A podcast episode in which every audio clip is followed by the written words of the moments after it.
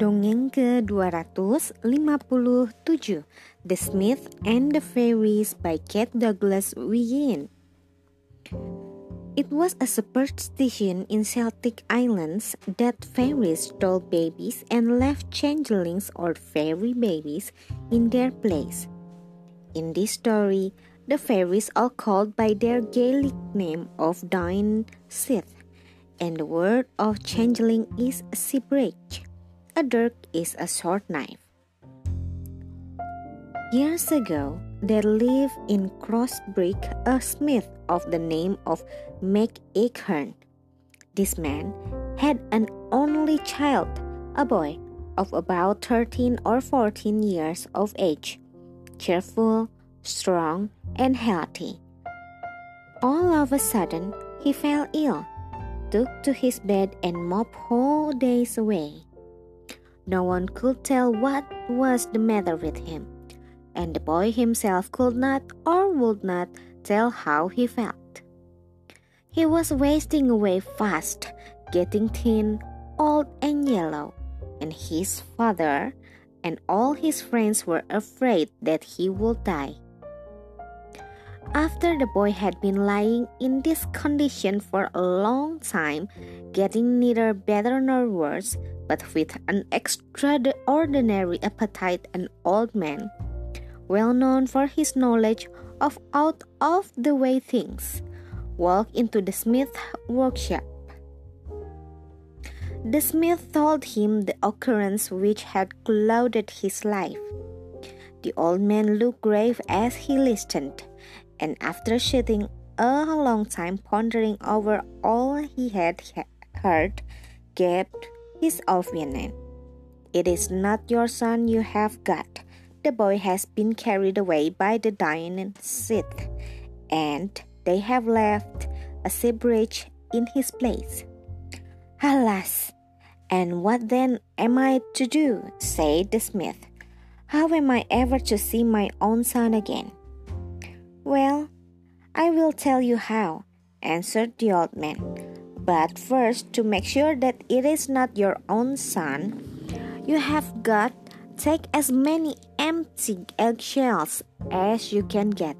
Go into his room, spread them out carefully before his sight, then proceed to draw water with them, carrying them two and two in your hands, as if they were a great weight, and arrange them when full around the fire. The smith proceeded to carry out all his instructions.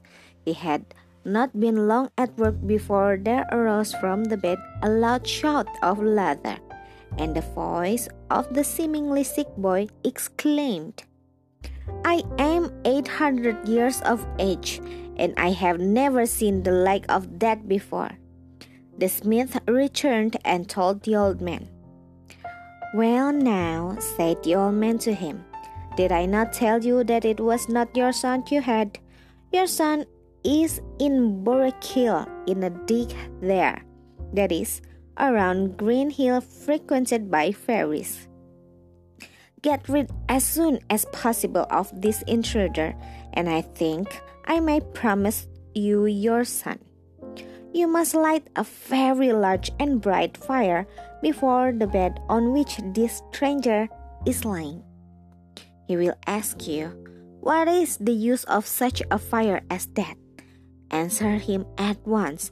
You will see that presently, and then seize him and throw him into the middle of it.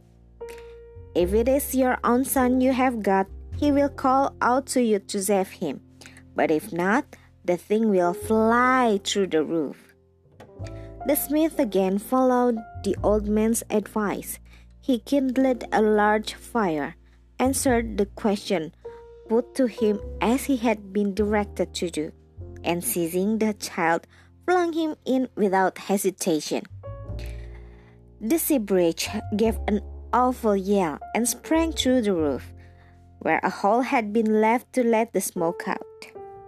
The old man told the smith that on a certain night the green round hill where the fairies kept the boy would be open. On that day, the smith having provided himself with a Bible and a dirk, was to proceed to the hill. He would hear singing and dancing and much merriment going on, but he was to advance boldly. The Bible he carried would be a safeguard to him against danger from the fairies. On entering the hill, he was to stick the dirk in the threshold to prevent the hill from closing upon him. And then, said the old man, on entering, you will see a spacious apartment before you, and there, standing far within, working at a forge, you will also see your son. When you are questioned, say you come to seek him, and will not go without him.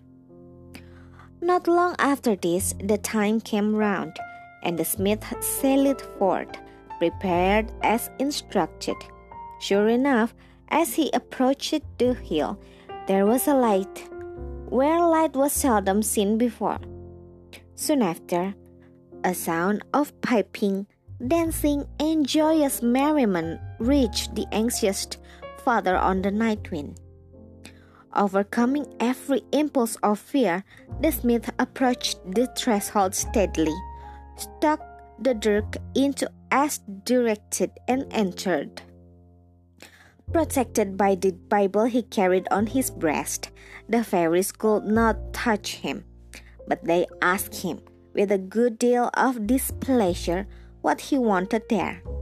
He answered, I want my son, whom I see down there and I will not go without him. The fairies, incensed, seized the smith and his son and throwing them out of the hill, flung the dirk after them, and in an instant all was dark.